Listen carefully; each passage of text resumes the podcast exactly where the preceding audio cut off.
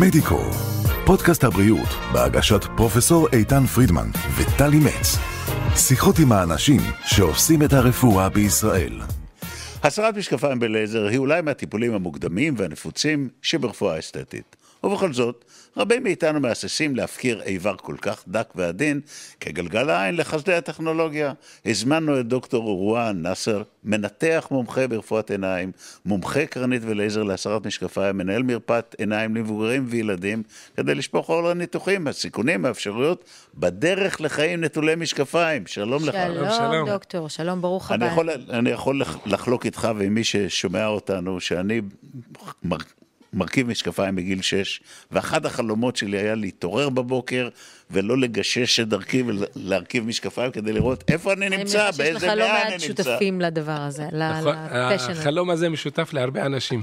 ממש. וכן, כן, כן, בעצם אנחנו, רוב הפניות שלנו, אה, אנשים שבאים ורוצים להסיר את המשקפיים, בגלל הסיבה הפשוטה הזאת, הם לא רוצים להתעסק עם המשקפיים. לא, לא רוצה להיות תלוי במשהו חיצוני. אתה יודע, פרידמן אמר ב- ב- בפתיח שמדובר באמת באחת הפרוצדורות האסתטיות בתחום הניתוחים האסתטיים היותר נפוצות ומוקדמות, זה בהכרח רק מסיבה אסתטית? זה לא בהכרח רק מסיבה אסתטית. אסתטית slash נוחות, או שיש עוד גורמים? ברוב המקרים זה מסיבה אסתטית, אבל יש מקרים אחרים, למשל, אנשים עם נסטגמוס, אפשר לעשות להם אה, ניתוח לייזר להסרת משקפיים במטרה רפואית, זה אחד. אנשים שעברו למשל ניתוח קטרקט בעבר, ונשאר להם צילינדר, או נשאר להם מספר, אפשר לעשות ניתוח לייזר לתיקון מה שלא נעשה בקטרקט. אז יש עוד כמה סיבות רפואיות בוא, בהחלט. בוא, בוא, בוא נשאל, אנשים- מה- מה- אנשים שיש להם משקפיים, בעיקר קצרי ראייה, אנשים רוצים להסיר את המשקפיים. מהם הקריטריונים שאומרים, אתה יכול לעשות את זה, או לא יכול לעשות את זה? קודם כל, המטופל צריך... צריך לרצות את זה. צריך לרצות את זה. אני כרופא לא יכול להגיד לו, בוא, בוודאי, תעשה את הניתוח לייזר, בוא תוריד את המשקפיים. לא, זה- לא, זה לא ככה. אה, אה, המטופל צריך לרצות את זה, צריך להיות לו סיב- סיבות מספיקות לרצות את זה. אני צריך להיות משוכנע שהוא מוריד את, ה, את המשקפיים אה, מסיבות של נוחות, מסיבות זה, ולא רק כי, בו, כי בא לו. זה דבר אחד. דבר שני, אני צריך לבדוק אותו, אני צריך לדעת מה הוא עושה בחיים, אני צריך לדעת מה הציפיות שלו, אני צריך לבדוק את העין, אני צריך לראות מה המספרים שלו, כמה גדולה, כמה גדול הקוצר ראייה שלו, מה המספר שלו. אני צריך לעשות מיפוי קרנית, לבדוק אם הקרנית שלו תקינה, מה העובי של הקרנית, האם יש צילינדר, האם אין צילינדר, אה, והאם יש... אה, אם יש צילינדר, האם הוא אחיד או לא אחיד, האם יש איזשהן בעיות אחרות. ו- ו- וזה לא רק זה, אני צריך לעשות לו גם בדיקת עיניים מלאה. אני צריך לבדוק את הרשתית ואת עצב הראייה ואת, ואת העדשה. ואם הדברים האלו כן תקינים וכן עומדים בקריטריונים, אז אפשר לעשות לו את, ה- את הלייזר. אוקיי, אנחנו אמ, מדברים באמת על, על תחום שהלך והתפתח במהלך אה, לא מעט שנים, זאת אומרת זה כבר קיים, זה פתרון שקיים בשוק לא מעט זמן, אנשים השתמשו בזה, ואני מתארת לעצמי שדווקא בגלל הסיבה הזו, זה הולך ומתפתח בקצב טכנולוגי נכון. מאוד מאוד גבוה. אה, אה, איך, מה, מה עכשיו לצורך העניין או, מה, מה? מה עכשיו לעומת מה שהיה קודם? מה שהיה היה. לא, חשוב לדעת. מה, מה, איפה ההתקדמות? טוב, ה- קודם כל ההתקדמות זה, זה ב, ב, באחוזי ההצלחה הגבוהים יותר יחסית כן. ל-20 ו-30 שנה אחורה. בטח. רמת הסיבוכים הרבה יותר נמוכה ממה שהיה קודם. גם הקושי שמלווה ל- לפתרונות. וגם גם הקושי, אה, אה, אה, גם אה, תהליך הריפוי, אה, פחות כאב, וגם רמת הדיוק של הטכנולוגיה שאנחנו משתמשים בה. ככל שאנחנו עוברים, אה, עובר הזמן, רמת הדיוק היא הרבה יותר טובה, כי אנחנו גם יש לנו מידע קודם, וגם הטכנולוגיה משתפרת. אה, וכיום זה לא, לפני אה, 20 שנה ו-30 שנה היה רק סוג ניתוח אחד, מה עשו אז? PRK, שזה שפשוף של... אה, עכשיו יש כמו עם- בדיוק. כמו עם נייר לטש משפשפים את העדשות. בדיוק, ליטו- ליטוש של החלק. החיצוני של הקרנית. היום יש משהו כמו חמישה, שישה סוגים של ניתוחי לייזר, ואז אתה יכול להציע את הסוג ניתוח המסוים בהתאם למטופל. רפואה מותאמת אישית להסרת משקפיים. בדיוק, בדיוק. אה, ואז יש לך אה, אה, גם התאמה למטופל, גם ציפיות יותר טובות מהמטופל, ואתה יכול גם להתאים סוגי ניתוחים בהתאם לדרגת, ה, לדרגת המיופיה או לדרגת קוצר, קוצר הראייה. יש, יש סוג מסוים של אנשים שבאופן, למרות הרצון שלהם, הם בהחלט. לא יכולים לעשות... למה, למה אתה גונב, אתה גנב מחשבות? אפילו עוד. לא אמרתי, ו... אמרת, כן, אנחנו פשוט, אנחנו מבלים יותר מדי זמן. כן, כן, אה? כן.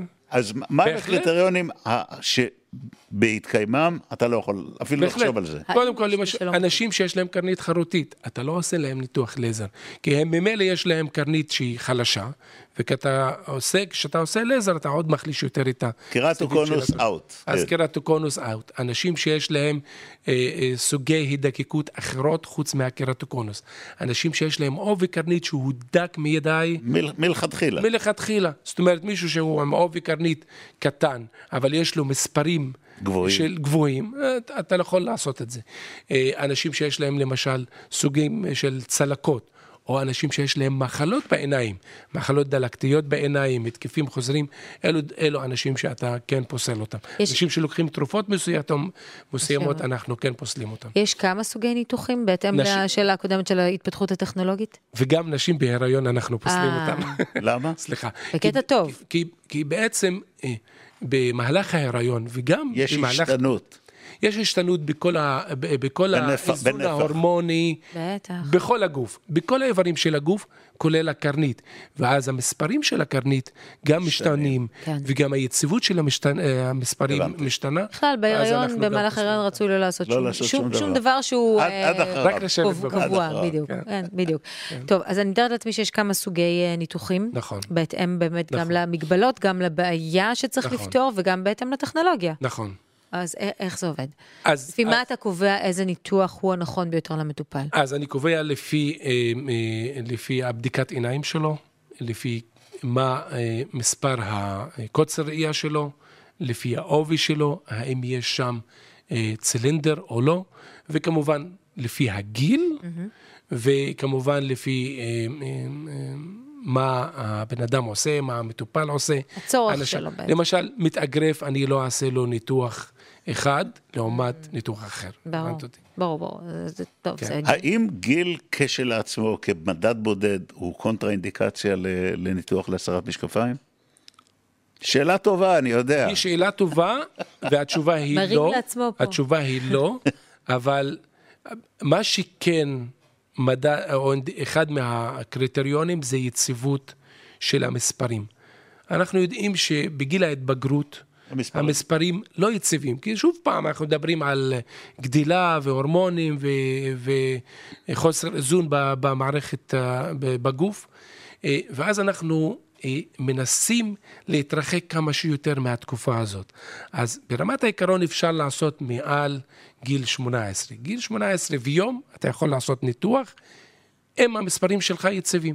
אבל אם הם לא יציבים, תחכה עד שיתעצבו. אז תחכה עד שהם יתעצבו. אני דיברתי דווקא על הצד השני, לא 18, אלא כן. 70, 80. האם יש מגבלת גיל? בד- גיל עליון. אה, אולי זה לא תלוי אה, גיל, אלא תלוי מצב זה- העין. אה, זה תלוי, אוקיי? אה, אה, אחרי גיל 45, 50, 60, מתחיל להיות קטרקט, אוקיי? כן. הקרנית עצמה והמספרים כתוצאה מהקרנית לא משתנים אחרי גיל 40, בדרך כלל לא משתנים. העין יציבה, יש את המבנה שלה, הוא אחיד והוא אבל מוצק. יש בעיות אחרות, קטרקט. בדיוק, ואז מתחיל הקטרקט. עכשיו, מגיע אליך מישהו אחרי גיל 50, שיש לו אה, מספר, קוצר ראייה. ברמת העיקרון, אתה כן יכול לעשות לו לייזר.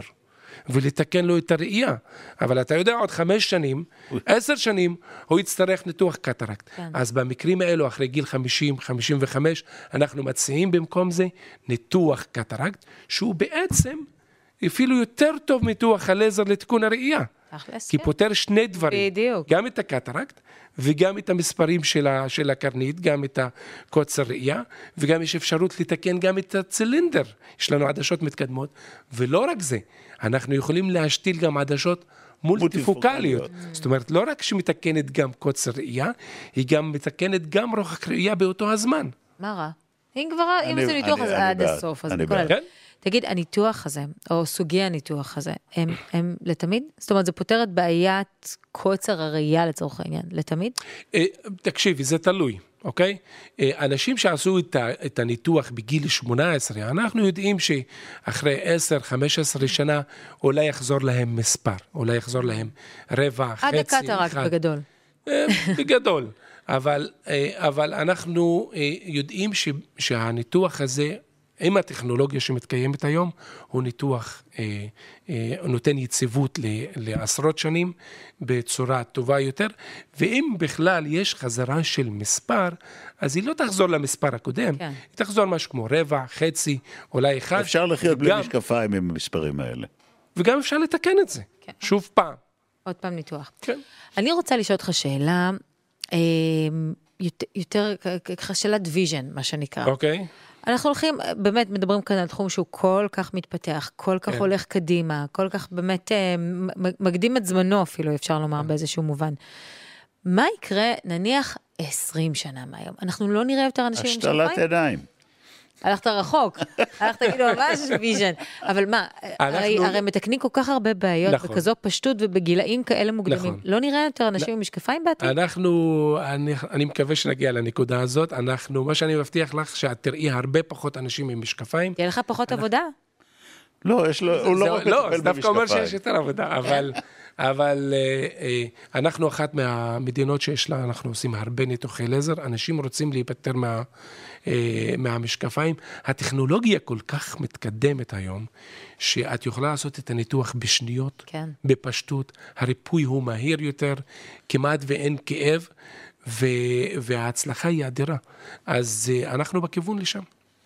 תשמע, נהדר, נהדר. מה זה? אין, אין, אגב, רק סטטיסטית, המקום שיש בו הכי הרבה אנשים קצרי ראייה זה בסין וביפן, למעלה מ-80% מהאנשים נכון. קצרי ראייה שם. טוב, קרוב לאותה סטטיסטית זה גנטיקה. יש שם הכי הרבה אנשים, זה- גם- לא, לא, אה, טוב, יחסית. אין- נימה אופטימית יותר מזו מ- תודה רבה. לסיים את הרעיון. שלנו. דוקטור, תודה רבה שבאת אלינו. נעים מאוד. תודה רבה. תודה. נעים גם. מדיקו, פודקאסט הבריאות של ישראל, בהגשת פרופסור איתן פרידמן וטלי מצ. עקבו אחרינו בספוטיפיי, אפל פודקאסט, גוגל ויוטיוב.